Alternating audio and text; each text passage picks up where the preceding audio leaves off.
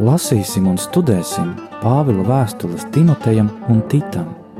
Raidījumu ciklā Apustuļa Pāvila mācība draudzēm.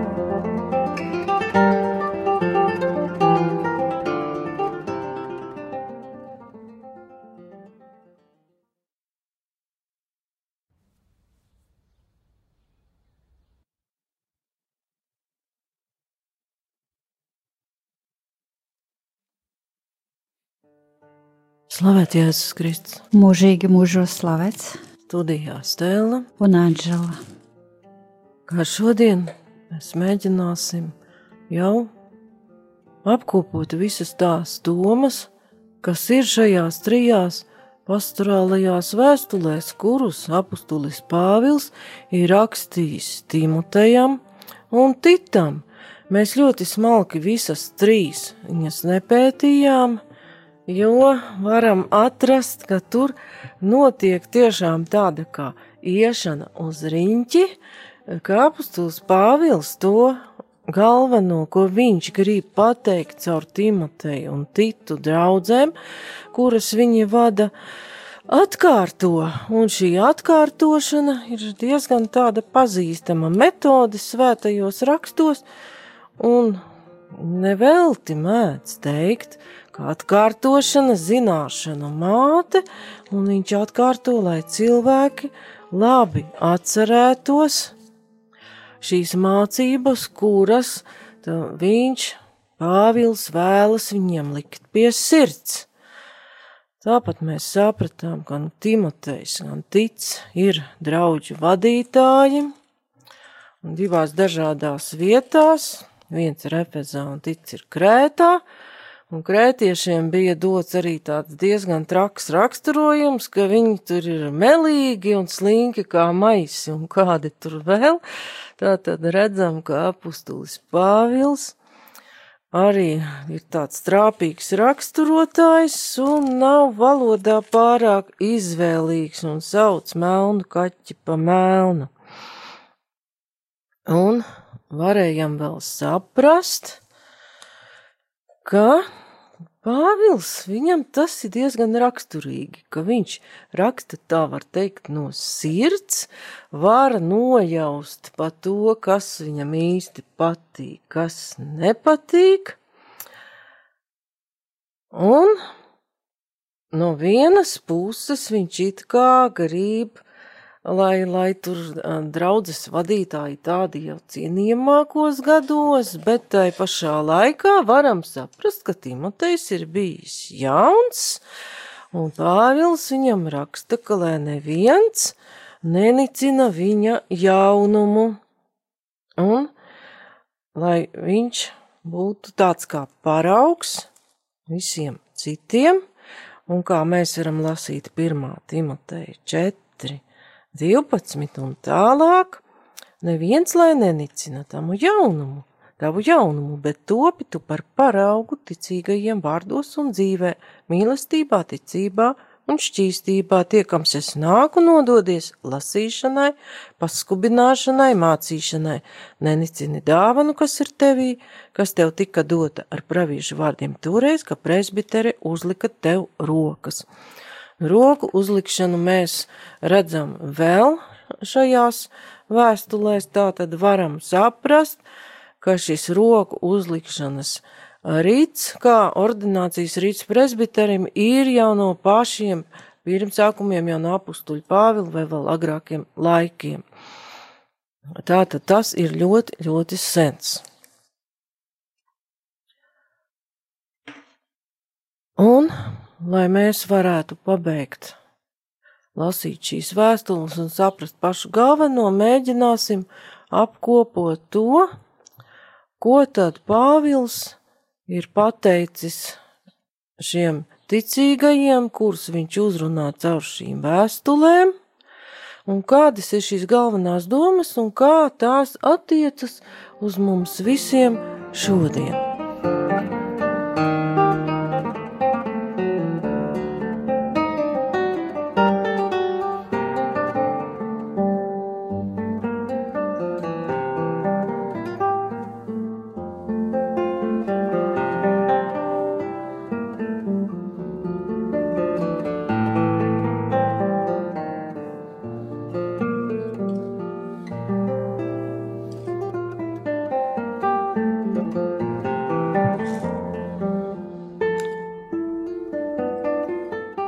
Pāvils šeit parāda tādas vairākas tēmas, viņš runā par vairākām nozīmīgām tēmām.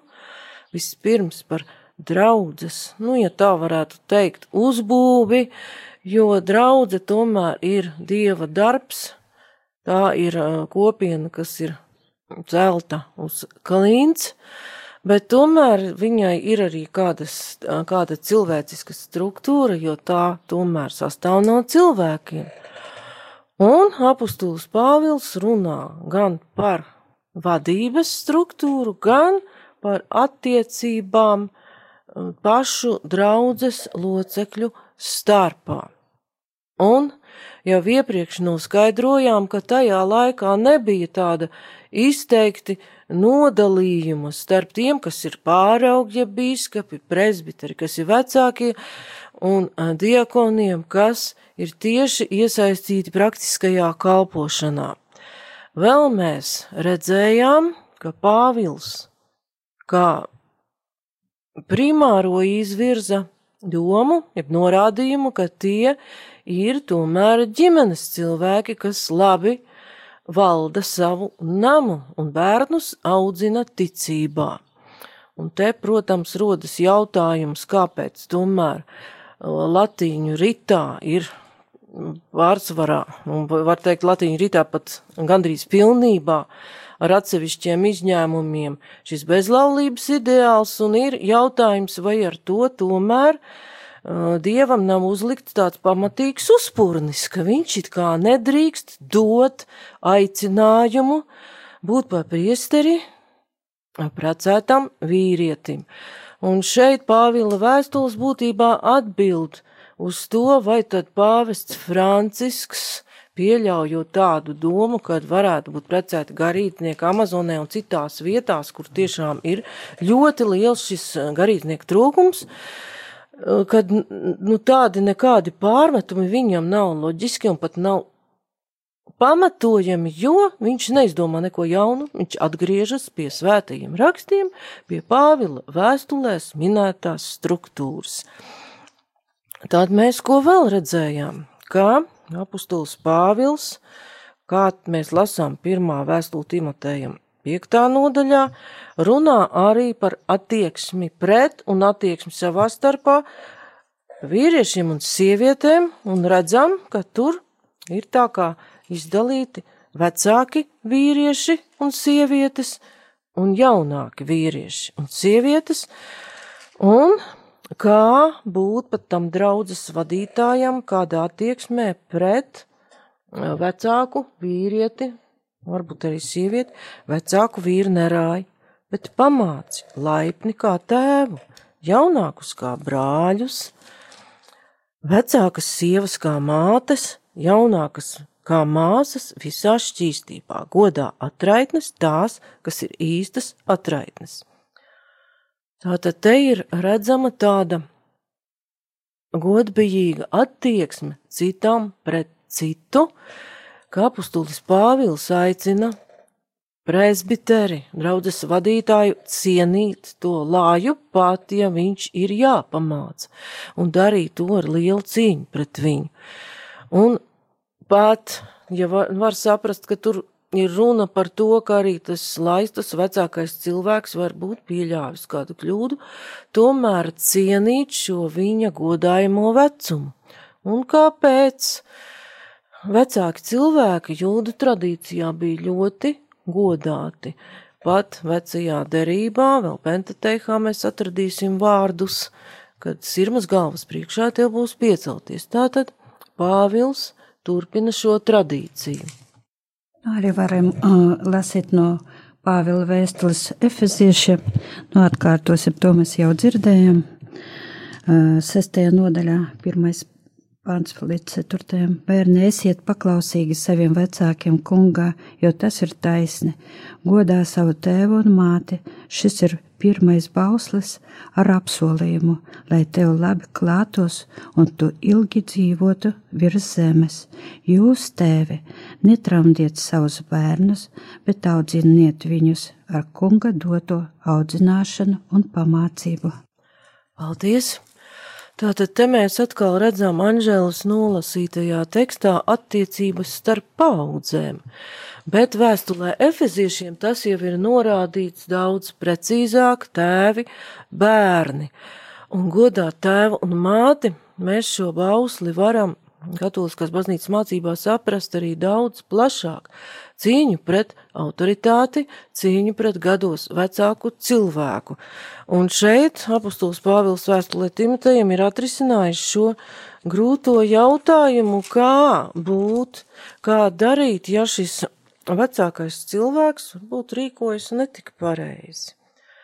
Un vēl par šiem vecākiem cilvēkiem, un mēs iepriekš jau mēģinājām saprast, kas ir domāts ar tiem vecākie, vecākās sievas, vīrieši, kas starci un vecākie vīri, kā vēstulē Titam, otrā nodaļa, lai turas skaidrā prātā cienījām prātīgi veselīga ticībā, tāpat vecākās sievas. Un var secināt, ka no vienas puses tie varētu būt tie paši diakoni, Tev katrā ziņā cilvēki, kas kalpo baznīcā, sievietes varētu būt arī diakonisas, arī kas aktīvi kalpo baznīcā praktiskās lietās, jo tur tas uzaicinājums būt skaidrā prātā un uh, pieklājīgi uzvesties ir ļoti līdzīgs teksts gan attiecībā uz vīriešiem, gan attiecībā uz sievietēm. Bet mēs ņemot vērā to, kas ir teikts pirmajā vēstulē Timotejam, ka ir šī godbība un cīņa pret vecāku cilvēku, varam saprast to vēl tā, ka Pāvils aicina tiem gados vecākiem vīriešiem un sievietēm kļūt par autoritātēm draudzē, par tādiem, kuru vārdos var ieklausīties, uz kuru padomu var paļauties, un kuri tiem jaunākajiem var būt padomdevēji un savā veidā kļūt par garīgiem tēviem un mātēm. Arī šādā veidā draudzē, draudzes cilvēku attiecībās piepildot to, par ko Anžela lasīja vēstulē Efeziešiem jo arī mācot to jaunāko ar uzbrukošu, dresējošu pamācību, mēs neko nepien, nepanāksim ne no bioloģiskā bērna, ne no skolēna, ne arī no gados jauna draudzes locekļa. Nu jā, Viņš, Timoteja vēstule, pirmajā vēstule, jaunākos kā brāļus pamatīt. Jā, Jā, un tas pats ir eh, sasaucās ar to, ka, ko tu nolasīji, nekaitiniet viņus. Jā. Neslāpējiet garu, jo, kad ne, ne to bailīgi, tas bija laikam ne šī tekstā, vienā citā, ka tie ne to bailīgi.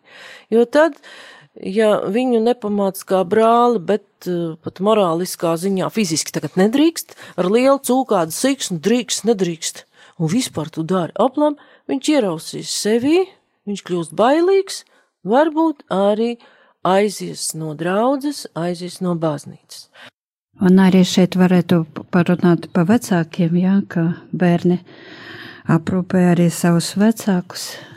Jā. Nepieciešamības gadījumā. Un te Pāvils jau runā tur tekstā par atraitnēm, ko mēs iepriekš jau skatījāmies, ka kuras ir īstas atraitnes un kurām nav šī apgādnieka jo apustuls Pāvils atgādina par šo pienākumu bērniem rūpēties par saviem vecākiem, jo te mēs lasām 5.4. pirmā vēstule Timotejam, bet ja kādai atraitnei ir bērni vai bērnu bērni, tad lai tie pa priekšu mācās pildīt savu godbijības pienākumu pret savu pašu dzimtu un dot pateicību saviem tēviem jo tas dievam patīk. Tur mēs izlasījām, ka tas ir bauslis ar apsolījumu. Jā. Un arī rūpes par trūcīgajiem cilvēkiem. Timotejam pirmajam. Lasi to, jo, un kā tā kārtušana, kā jau teica, zināšana māte, tā tad Pāvils Tāpēc, ka arī atraitnes bija īpaši Viņ, trūcīgas. Jā, viņas jā, bija īpaši trūcīgas, viņi bija, eh, un, uh, un grēks pret viņiem bija vecā derībā kvalificēts kā grēks, kas sauc uz debesīm. kas nemaz nav tik bieži. Un arī uzreiz palīdzību sniegt, ka tā palīdzība priekš cilvēka ir divkārša. Ja tad, kad prasa cilvēks, tad arī censties palīdzēt viņam. Un, ja mēs ejam tajā tēmā tālāk, vēl ir tas, ka palīdzot citam, cilvēks kaut kur palīdz arī pats sev. Un varbūt jau spēj iejusties tā ādā, kas palīdzību lūdz, un rēķināties ar to arī, ka pats kādreiz var būt palīdzības lūdzējs. Tas arī tā darbojas uz abām pusēm, tā varētu teikt. Un šī palīdzības sniegšana tāpēc arī ir tik svarīgs šis diakonāta kalpojums, jo, kā jau minēja, ka tas ir tieši vairāk saistīts ar šo praktisko pusi palīdzēt draudzes trūcīgajiem. Un tas ir tieši saistīts arī ar labajiem darbiem, par ko ir rakstīts vēstulē Titam, diezgan tā izvērsti. Un tur tas ir saistīts pat ar paklausību valdībām un varām. Jādomā, kāpēc. Titam 3.1 atgādina viņiem, lai padodas un paklausa valdībām un varām. Un varbūt tas ir tā, kā tas ir rakstīts uh, Titam, kurš ir Krētā, tas ir saistīts ar to krētiešu raksturojumu, ka melo nikni kā zvēris, slinki kā maisi. Varbūt tas aicinājums uz paklausību valdībām un varām, kuras ļoti bieži prasa vienkārši elementāru kārtību, tas ir saistīts ar to. Tālāk viņš raksta, lai ir gatavi uz katru labu darbu, nevienu nepulgo, tur mieru, izturas laipni un visiem cilvēkiem parāda lēnprātību. Tātad te ir aicinājums uz katru labu darbu.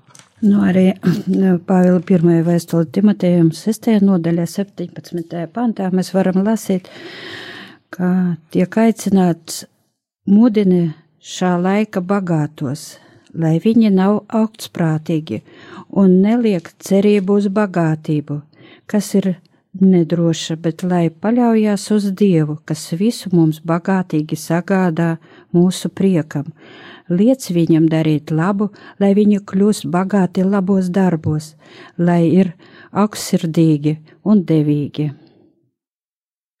Arī tas bija no sestā nodaļa, 17. pants. Pirmā? Jā.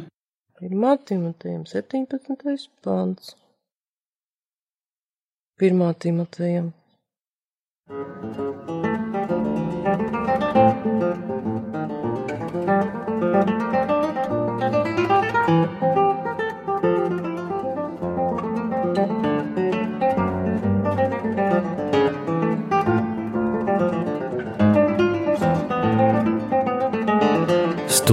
Stela Jurgena un Anģela Roze Jumiķe. Jā, un sasaucās ar to. Šeit ir drusku savā, kas ir bagāti tagadējā laikmetā. Tur arī tā ir. Jā, te mudini. mudini. Tiem, kas ir bagāti, tagad ir piekodini. Tur ir mudini, bet piekodini tas jau ir tāds ļoti strikts norādījums, likt pie sirds, lai viņš noteikti to dara. Ja. Он кревский богатых в настоящем веке увещевай, чтобы они невысоко думали о себе и уповали не на богатство неверное, но на Бога живого, дающего нам все обильно для наслаждения, чтобы они благодетельствовали, богатели добрыми делами, были щедры и общительны. Paldies! Tad te jau mēs tiekam pie skaidrības, ka tas ir tāds ļoti stiprs vēlējums, tāda mācība, kas noteikti pat ir jāievēro šiem turīgajiem un sastaistās arī ar sestās nodaļas pantiem nedaudz iepriekš. Jo Pāvils tomēr uz bagātību skatās tā diezgan kā uz bīstamu, un tas arī sasaucās ar paša Kristus teikto, ka grūti bagāts ies debesu valstībā, jo bagātība ir diezgan uh, spēcīgs kārdinājums, Un pats Pāvils tajā pašā 1. Timoteja 6. nodaļā raksta jau iepriekš. Sestā nodaļa, sestais pants. Patiesi lielu ieguvumu dod dievbijība ar pieticību. Bet, tur es nedaudz izlaižu, devītais pants ir, bet, kas grib tapt bagāts, krīt kārdinājumā un valgā, daudzās bezprātīgās un kaitīgās iegribās, kas gāž cilvēks postā un pazušanā, jo visa ļaunuma sakne ir manta skārība, dažs labs tiekdamies pēc tās, ir nomaldījies no ticības un pats sev nodarījis daudz sāpju.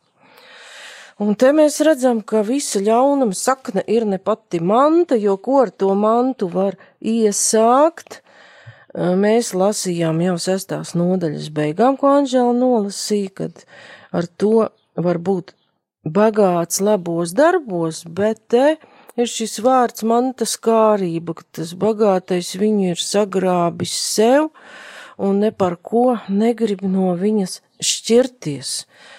Un tas ir pat vienā tādā teksta fragmentā, kur Pāvils sākumā pat runā par viltus mācībām, par aplamām mācībām.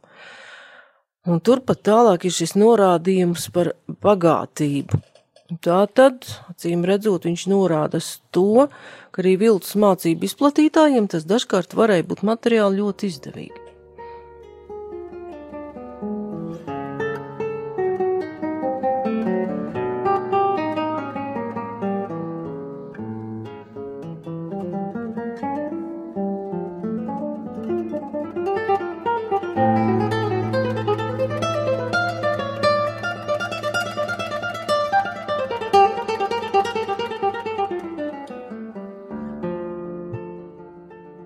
Tātad tagad, kad apskatījām šo tēmu par to, kā darīt labus darbus draudzē, un kādai attieksmei būt pret laicīgo mantu, un Pāvils jau nesaka, ka tā ir slikta, bet ka problēma ir tieši šī kārība uz to mantu, ka visu laiku ir par maz, par maz, par maz, un kādas te vēl viņām bija šajā, šajās vēstulēs parādīts šīs problēmas vēl.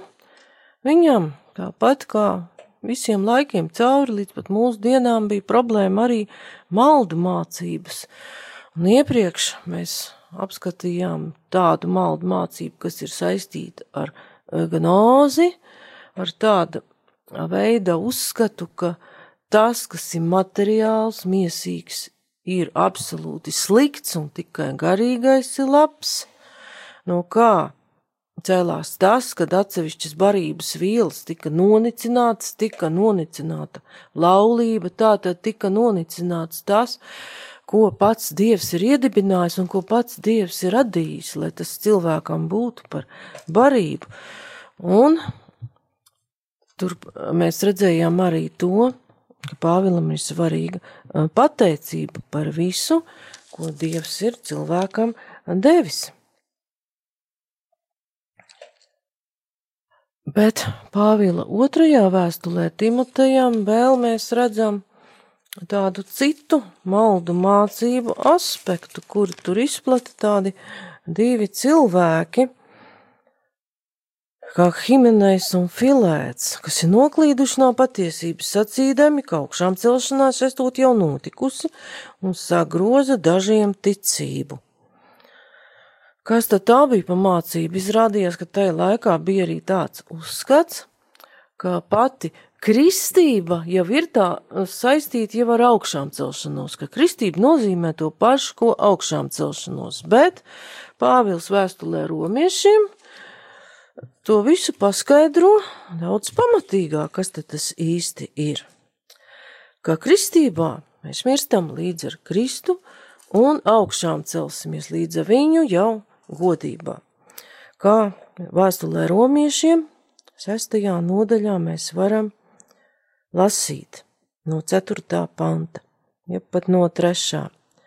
Jeb vai jums nav zināms, ka mēs visi, kas Jēzus Kristus vārdā esam kristīti, esam iegremdēti viņa nāvē, jo mēs līdz ar viņu kristībā esam aprakti nāvē, lai tāpat kā Kristus sava tēva godības spēkā uzcelts no mirušiem, arī mēs dzīvotu atjaunotā dzīvē, jo, ja mēs viņam esam kļuvuši līdzīgi nāvē, mēs būsim tādi arī augšām celšanām.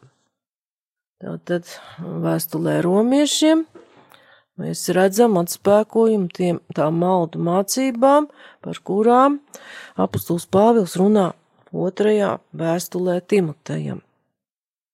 Arī šeit mēs varētu izlasīt vēl Pāvila vēstuli korintiešiem 9. nodaļā 24. pāns. Vai tad jūs nezināt, ka skriešanas sacīkstēs visi gan skrien, bet godalgu saņem tikai viens. Skrieniet tā, lai jūs saņemat godalgu. Ik viens, kas piedalās sacīkstēs, atturas no visa cita. To viņa dara, lai saņemtu iznīcīgu vainagu. Bet mēs neiznīcīgu. Tātad Es neskrienu bezmērķīgi, cīņā dūres es vēl te nevicinu, bet es šaustu un paverdzinu savu mieslu, lai sludinādams citiem pats neglī, nekļūtu atmetams. Paldies! Tur mēs redzējām šajā tekstā to, kas Pāvilam ir diezgan raksturīgi. Viņš lieto uh, sporta terminoloģiju un arī karavīru, tādu aprakstu karavīru tēlu. Viņš lieto šos tēlus, kas viņa tiem lasītājiem un klausītājiem ir ļoti tuvi un saprotami, jo tur ir gan grieķu kultūra, kā tur arī ir Romas impērija. Un, piemēram, otrā vēstulē Timotejam viņš runā par kristieti, vai kristīgās eh, draudzes locekli, nu, un viņš neatšķir tur, vai tas ir lais vai draudzes vadītājs, ka viņš ir labs Kristus karēvis. Un viņš jau otrā nodaļā, ceturtā pantā raksta tā, neviens, atrasdamies karapulkā, nepinas ar dzīves darīšanām, lai viņš varētu patikt karakungam. Un jebšu kā cīnās, viņš dabū vainagu tikai tad, kad viņš ir cīnījies pareizi. Un te parādās arī vēl salīdzinājums ar zemkopi. Zemkopim, kas nodevies lauka darbam, pirmajam jāsaņem augļi. Tātad, ko mēs varam saprast arī no tiem eh, sportista un karavīra tēliem, šiem salīdzinājumiem, tas ir disciplinēts cilvēks. Tas ir cilvēks, kas pazīst savu karakungu, pazīst mērķi, uz kuru viņš tiecās. Nu, šeit no Pāvila otrās vēstules Timotejām mēs saprotam, ka šīs kristīgās draudzes var to nosacīti teikt arī sava veida armijas galvenais karapulks. Kara kungs ir pats Kristus, ka ir skaidri, ka skaidrs šis reglaments un skaidrs arī ir šis mērķis, augšām celšanās un mūžīgā dzīve kopā ar Kristu. Arī mēs varētu vēl izlasīt Marka evangēlijā par Jēzus skaidro, kā Jēzus skaidro līdzību par sējēju, ja, pa Dieva vārdu, kā mēs varam uzņemt viņu un kādas ir sekas, ja mēs nedzīvojam tā, kā esam aicināti dzīvot Jēzu Kristu, un tie, kas starp ērkšķiem sēti, vārdu dzird, bet laicīgās rūpes un bagātības viltus un visas citas kārī, kārības uznāk un noslāpē vārdu, un tas kļūst neauglīgs. Paldies! Tad šeit uh, varam saprast, ka būtībā jau arī Pāvils nedara neko citu, kā viņš komentē evaņģēliju savā veidā.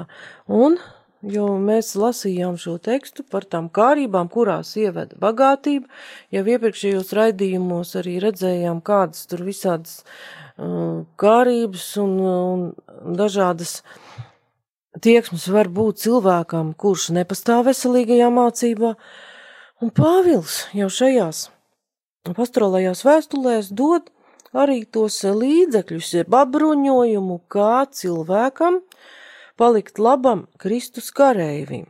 Un otrā vēstulē Timotejam viņš norāda, tu paliec svēto rakstu mācībai, tātad veselīgai mācībai, un 16. pantā, 3. nodaļā mēs lasām. Bet pat no 14. varam lasīt, bet tu paliec mācībā, ko esi mācījies un par ko esi pārliecinājies, jo tu zini, kas tev to ir mācījuši, un ka tu no mazām dienām zini svētos rakstus, kas spēj padarīt tevi gudru pestīšanai caur ticību Kristu Jēzu. Visi šie raksti ir Dieva iedvesti un ir noderīgi mācībai, vainas pierādīšanai, labošanai, audzināšanai taisnībā, lai Dieva cilvēks būtu pilnīgs, sagatavots katram labam darbam. Un ar to mēs varam arī jau noslēgt šo ciklu. Lasīsim svētos rakstus, kuri derīgi mācībai, mums dot arī baznīcas mācību, kā tos saprast un skaidrot, un pirmajā vēstulē Timotejam Pāvils aicina arī vienmēr būt lūkšanās. Vispirms turēt lūkšanas, pielūkšanas, aizlūkšanas, pateicības lūkšanas par visiem cilvēkiem, par valdniekiem un visiem, kas ir augstā amatā, lai mēs dzīvotu mierīgu un klusu dzīvi visā dievbijībā un cienībā. Tas ir labi un patīkami Dieva mūsu pestītāja priekšā, kas grib, lai visi cilvēki tiek izglābti un nāk pie patiesības atziņas. Tad te mēs šajā teikumā pat redzam Pāvila dzīves un arī viņa vēstuļu mērķi. Viņš sadarbojas ar Dievu, lai visi cilvēki tiktu izglābti. Un pabeigsim šo ciklu ar lūkšanu. Es pateicos, kungs, tev, ka tu devi šo iespēju mums visiem būt kopā, ka mēs esam veseli, varam šeit būt. Pateicos, kungs, ka tu jau atvieglo visas šīs grūtības, kas ir saistītas ar slimības izplatību, ka tu dziedini, ka tu atklāji patiesību par mums pašiem, arī par visu, kas notiek. Uztic tavai apredzībai un rūpēji. Radio Marija, mūsu pašus, visas mūsu draudzes, Latvijas baznīcas vadību, garīdzniekus, diakons, visus, kas kalpo dažādos veidos, un nobeigsim ar lūgšanu. Tēvs mūsu, kas esi debesīs, svētīts lai tu tavs vārds, lai atnāk tava valstība, tavs prāts, lai notiek kā debesīs, tā arī virs zemes. Mūsu dienascho maizi dod mums šodien un piedod mums mūsu parādus, kā arī mēs piedodam saviem parādniekiem, un neieved mūsu kārdināšanā, bet atpestī mūs no ļauna. Amen. Studijā bija Stela un Anģela. Paldies par uzmanību! Apustuļa Pāvila mācība draudzēm.